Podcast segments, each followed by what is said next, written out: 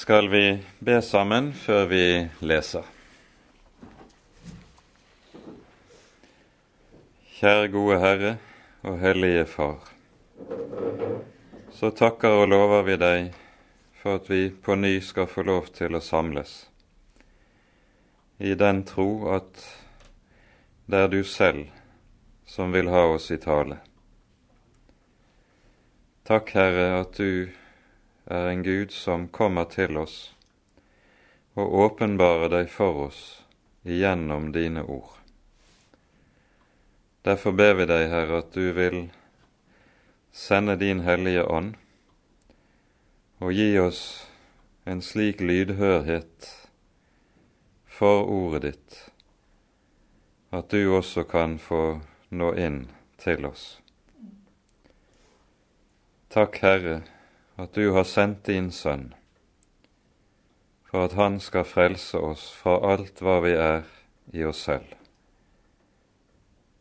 La oss få lære å kjenne Ham, og før oss, Herre du, hjem til det evige liv.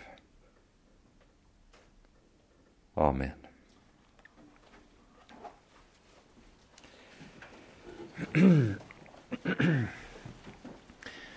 Når vi nå begynner på det tredje kapitlet i Romerbrevet, så hører vi hvordan Paulus trekker konklusjon eller slutning av det som har vært sagt i uh, det foregående avsnittet fra kapittel 1 vers 18 av og utover til og med avslutningen av kapittel 2.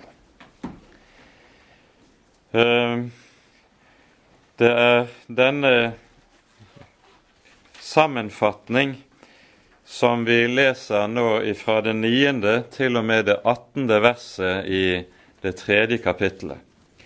Mens de åtte første versene i dette kapittelet, det utgjør et innskudd der apostelen svarer på et bestemt spørsmål.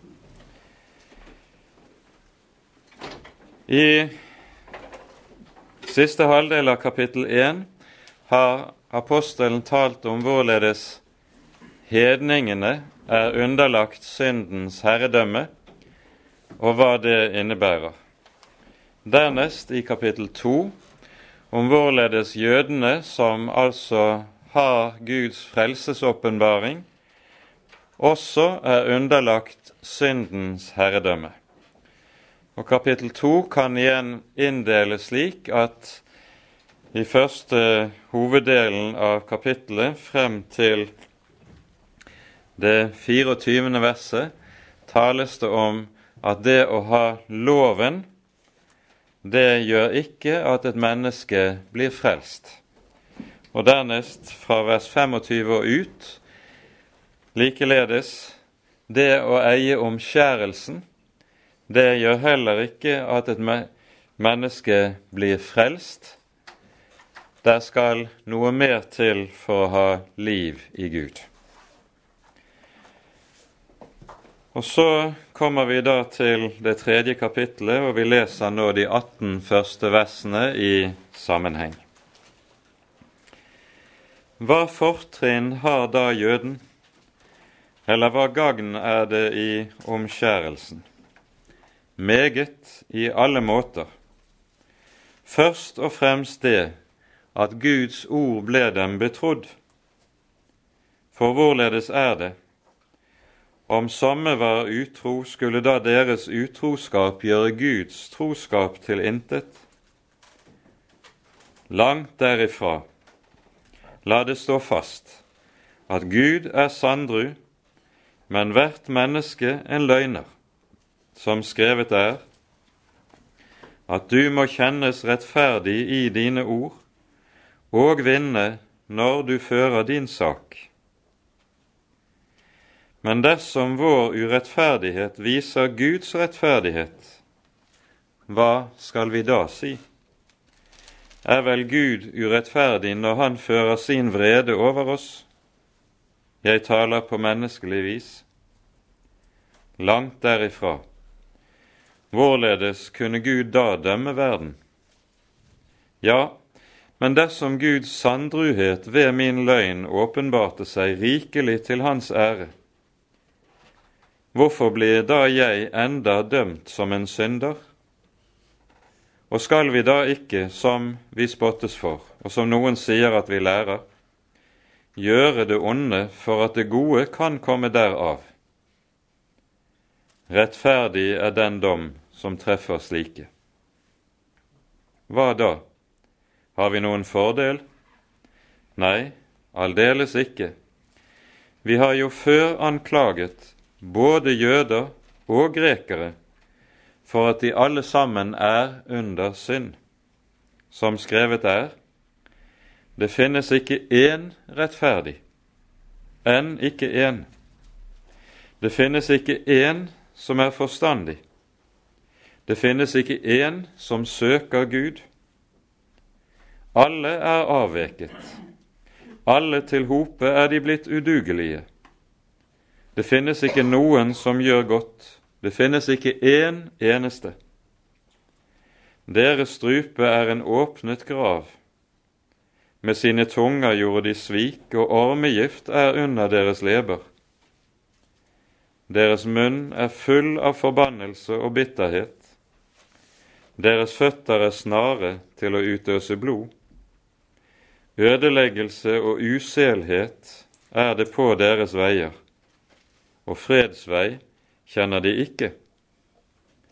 Det er ikke Guds frykt for deres øyne.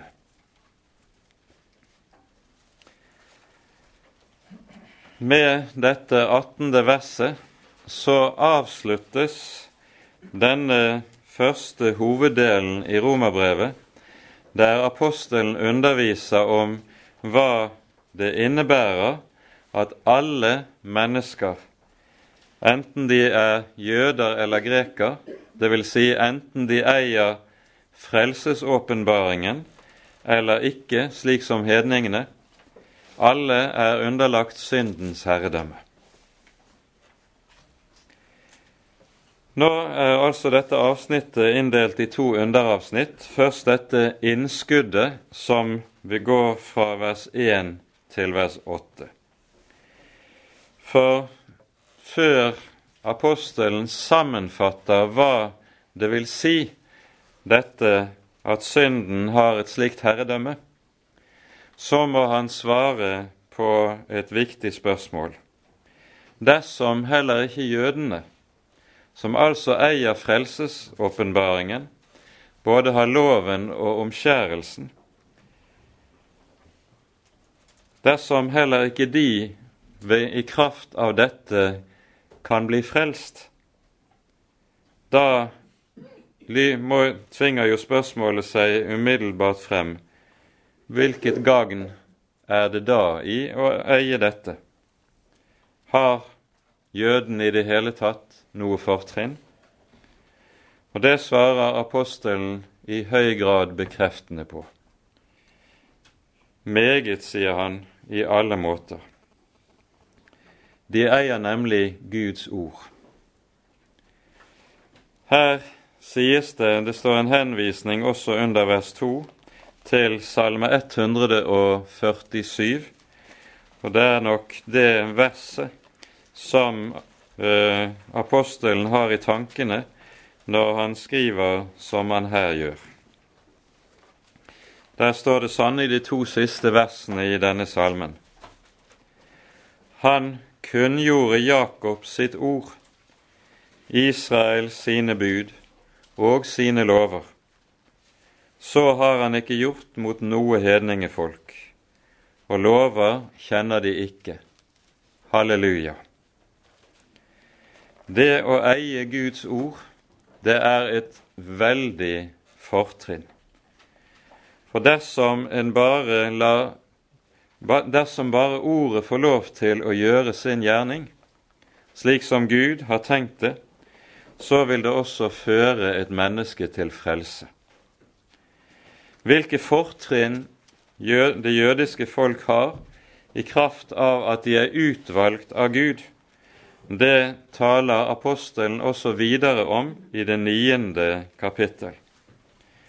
Her hører vi det står sånn om eh, det jødiske folk i vers 4 og 5 i kapittel 9 i Romerbrevet. Det er disse som er israelitter, de som barnekåret og herligheten og paktene og lovgivningen og gudstjenesten og løftene tilhører. De som fedrene tilhører, og som Kristus er kommet fra etter kjødet. Det å være Guds utvalgte folk, det er i sannhet et veldig fortrinn, som gjør at det jødiske folk står i en særstilling.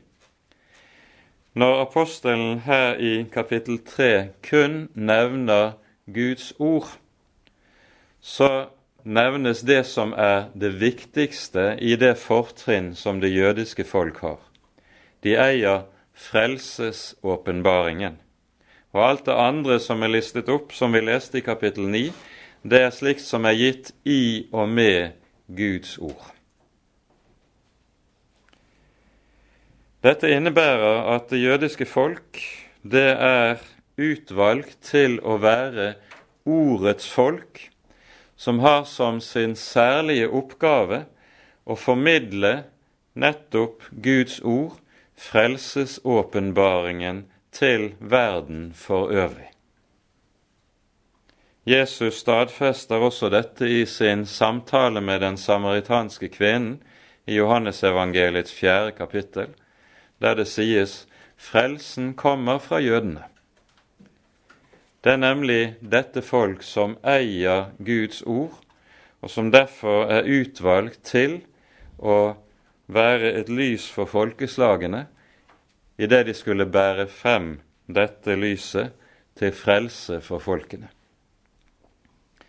Det jødiske folks ulykke er da, slik som apostelen har talt om i det andre kapittel, at dette Guds ord har ikke ledet dem til liv i Gud, til samfunn med Gud, men de har i stedet brukt ordet til på en slik måte at de har endt opp i egenrettferdighet, og dermed også avviser frelsen i Herren Jesus Kristus. Dette er jo det som er det jødiske folks tragedie. Det som gjør at dette folk avviser Herren Jesus og til slutt også korsfester ham, det har sin grunn nettopp i egenrettferdigheten, som er grunnet i at de bruker loven til å danne seg sin egen fromhet, i stedet for at loven får lov til å avsløre at de trenger frelse. Dette kommer apostelen videre inn på i niende og tiende kapittel. Vi skal ikke stanse mer opp for det her. Men så blir da spørsmålet det at folket på denne måten er troløst, gjør det Guds trofasthet til intet? Langt derifra. Og dette skal vi merke oss. Det innebærer at det jødiske folk er å betrakte som Guds utvalgte folk, enten de nå tror Herren og tror frelsesåpenbaringen, eller de ikke gjør det. De har denne særlige utvelgelse og er Guds redskap i frelseshistorisk betydning, også om de er et vantro folk som ikke har tatt imot Herren Jesus Kristus, tatt imot ham som sin Messias. Dette gjør altså at det jødiske folk står i en særstilling slik sett. Vi kan på den måten skjelne mellom to ulike former for utvelgelse i Guds ord. Det er tale om utvelgelse til frelse. Utvelgelsen til frelse omtales en rekke steder i vår bibel, ikke minst i Efeserbrevets første kapittel. Jesus bruker dette ordet i samme betydning når han sier 'mange er kalt, men få er utvalgt'. Og Da taler han nettopp om utvelgelsen til frelse. Denne frelsesutvelgelse, den virkeliggjør Gud ved troen på Jesus Kristus, ved evangeliet om Jesus Kristus. Der dette evangelium tas imot, der er også Guds frelsende utvelgelse virksom. Ved siden av dette så har Gud også det vi kan kalle en frelseshistorisk utvelgelse. Og det er den vi taler om når vi taler om at det jødiske folk er et utvalgt redskap. Det er Guds redskap i frelseshistorien, helt uavhengig av altså om de tror eller om de ikke tror. Og disse to slags utvelgelse er det viktig å være å skjelne mellom, for blander man dem sammen, da kommer man fort opp i uføre. Vi skal ikke tale mer om det i denne sammenheng. En kort bemerkning når det sies som vi hører det i vers 2. Først og fremst har de for, det fortrinn at Guds ord ble dem betrodd. Her brukes det et ord i grunnteksten som er et flertallsord, det står et ord som egentlig betyr utsagn. Det er en muntlig tale. Det at Herren har latt sin tale lyde, og så nedfelt dette i hellig skrift. Dette innebærer at Guds folk, det er ordets folk, det er bokens folk. Og Det jødiske folk har jo nettopp vært kalt for det bokens folk. Det samme burde også gjelde om alle kristne. De skulle være bokens folk, bundet til og knyttet til ordet, for det er det som er det veldige fortrinn som Herren har gitt oss. For i det så eier vi ham selv i hele hans fylde. Nå tar apostelen opp i disse versene noen innvendinger som reises i forhold til dette. Om Gud er trofast også når mennesket er troløst, hvordan kan han da dømme, vil det snusfornuftige mennesket innvende. Vil ikke det da innebære at min utroskap nettopp tjener til desto sterkere å fremheve og vise hvor stor Guds trofasthet er? Paulus avviser blankt hele denne måten å tenke på. Legg merke til hvorledes han svarer i vers 8. Han gir seg ikke til å diskutere denne sorten innvendinger. Han avviser det blankt og sier bare 'rettferdig er den dom som rammer slike'. For her er det tale om det som vi hører i vers 5. Han sier 'Jeg taler på menneskelig vis'. Når Paulus bruker dette uttrykket, at han taler på menneskelig vis, så mener han med dette han gir setter ord på det som er karakteristisk for det egenrettferdige menneskets måte å tenke på. Det vil nemlig opphøye seg til å være Guds dommer. Og det er jo nettopp det vi hører her. I stedet for at mennesket lar seg dømme og bedømme av Gud, så vil det i selvklokhet opptre som Guds dommer og Guds kritiker. Og svaret lyder meget tydelig fra apostelen. Rettferdig er den dom som rammer slike.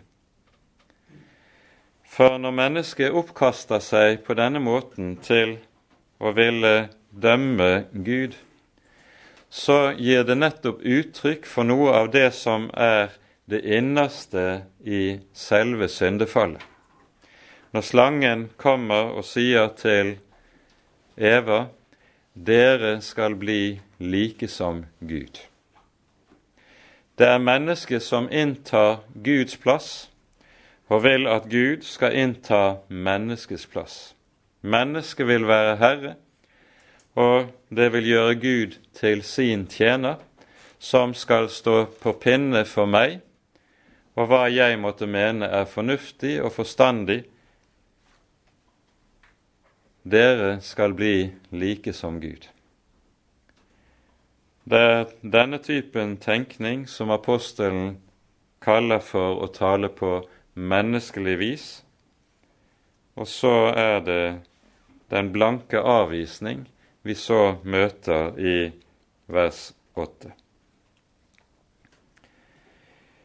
Det som vi hører i vers 8, det er et spørsmål som tas opp igjen i slutten av kapittel 5 og begynnelsen av kapittel 6 i Romerbrevet.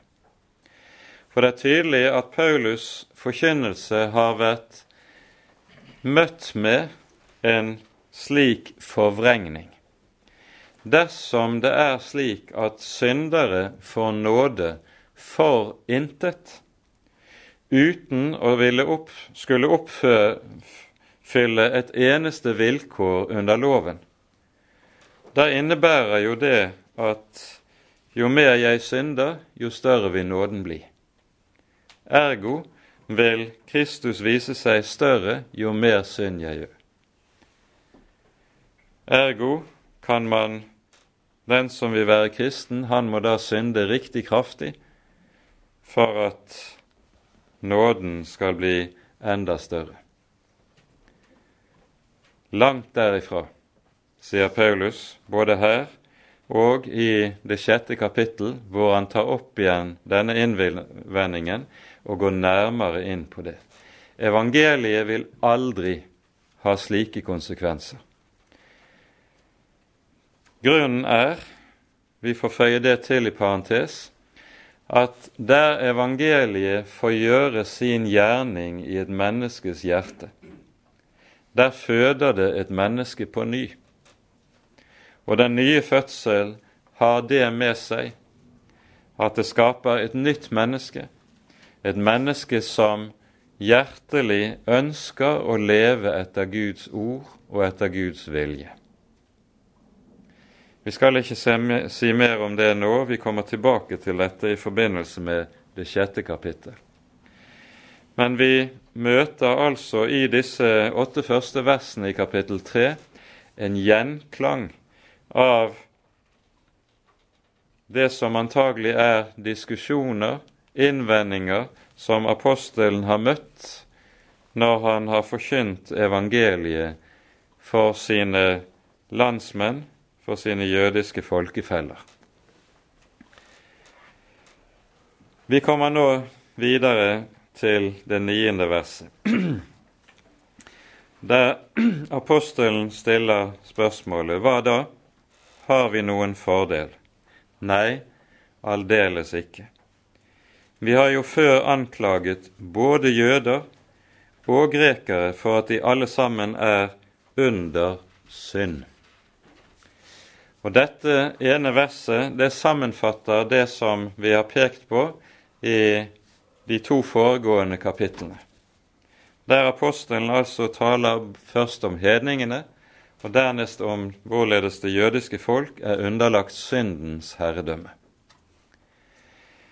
Og her skal vi legge nøye merke til uttrykksmåten. Når det sies at de er under synd, så beskrives synden med dette som en makt som behersker mennesket. Som en makt som altså er av en slik art, av en slik karakter, at mennesket er ute av stand til selv å fri seg fra den og løsgjøre seg fra den. Synden er ikke noe som sitter i mennesket i fysisk forstand, men det er en åndelig makt som behersker hvert enkelt menneske fra og med syndefallet av. Hva ordet synd betyr, er avgjørende for oss å være klar over. I Bibelen brukes det jo en rekke ulike benevnelser for å beskrive synden. Men vi må peke på et par sentrale forhold. Det vil være kjent for de fleste, tror jeg, at det greske ordet som er hovedordet i Det nye testamentet for synd, hamartia, det har som grunnbetydning det å bomme på målet. Og Det svarer til et tilsvarende ord i den hebraiske teksten, og som også har samme betydning. Nå skal en være klar over at en skal ikke tillegge denne bakgrunnsbetydningen for uh, stor vekt, fordi da vil en lett kunne komme til å tenke sånn at egentlig så sikter jeg på målet, men jeg kommer altså i skade for å komme dit hen at jeg ikke klarer å ramme det, fordi jeg ikke sikter godt nok. Men det som er saken etter Guds ord, det er at intet menneske sikter på målet. Og det er det som beskrives for oss i de versene som nå følger. Det er ikke slik at mennesket søker Gud. Tvert om, sier apostelen i de påfølgende versene. Mennesket er født med ryggen til Gud og sikter en helt annen vei, har en helt annen livsinnretning, på en slik måte at hele livsretningen er i seg selv forfeilet. Hva er det som er syndens kjerne? Syndens kjerne er at mennesket søker seg selv og sitt eget. Det er det som vi med et enkelt ord kaller for egoisme, men det stikker langt, langt dypere enn det som vi mener når vi bruker ordet i dagligtale. Det er dette at selv livet er det som er kilden for alt hva jeg gjør, jeg tenker og foretar meg. Hvilket også innebærer at det å bli et frelst menneske, det betyr å bli frelst fra seg selv. Så radikalt må det sies det betyr å frelses fra selvlivet. Og Nå skal vi legge merke til, når Paulus beskriver synden slik som vi hører det fra vers 10 av, så skiller denne beskrivelse som vi her hører, seg ganske sterkt fra det vi leser i slutten av kapittel 1, hvor apostelen beskriver hedenskapets synder. Der hører vi nemlig om hvorledes synden gjør seg utslag i ulike typer grove synder som man ofte kan se i hedenskapet. Men synd er ikke først og fremst slike ytre handlinger som vi kan iaktta, og som vi kan bekjempe og også gjøre noe med i vårt eget liv. Synd, slik Bibelen beskriver det, er ikke først og fremst hva jeg gjør, men det er hva jeg er. Og det er det som er det store problem. Bibelen har mange ulike måter å omtale dette på, og vi skal se på et par av disse. Vi går først til Matteusevangeliets 15. kapittel, der vi hører Jesus tale om noe av dette.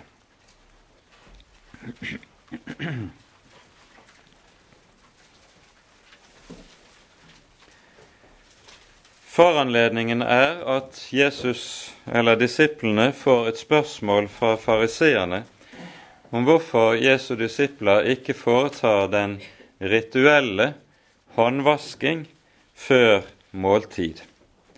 Det er et bud som var der etter eh, religiøse forskrifter, og som de altså ikke føler seg tvunget til å overholde.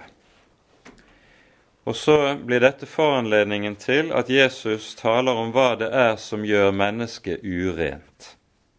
Ikke det som går inn i mennesket, sier han. Vi leser fra vers 17. Skjønner dere ikke at alt det som kommer inn i munnen, det går i buken og kastes så ut den naturlige vei? Men det som går ut av munnen, det kommer fra hjertet. Dette er det som gjør mennesket urent, for fra hjertet kommer onde tanker, mord, hor, utukt, tyveri, falskt vitnesbyrd, bespottelse. Dette er det som gjør mennesket urent, men å ete med uvaskede hender, det gjør ikke mennesket urent. Her sier altså Jesus at det er våre hjerter som er den mørke kilde til alt ondt. Det som kommer derfra, det som vi vanligvis kaller synder, det er bare utslag av og uttrykk for det som bor i menneskets hjerte. Synd er først og fremst det vi er, ikke det vi gjør. Men det å få øye på og erkjenne alvoret i det vi gjør, det er ofte begynnelsen til et menneskes omvendelse. Men et menneske vil aldri bli rett omvendt, sant frelst, dersom det blir i den villfarelse at jeg tror at synd bare er mine handlinger eller mine ord slike ting som jeg kan gjøre noe med. For problemet er hjertet, der den mørke kilden ligger.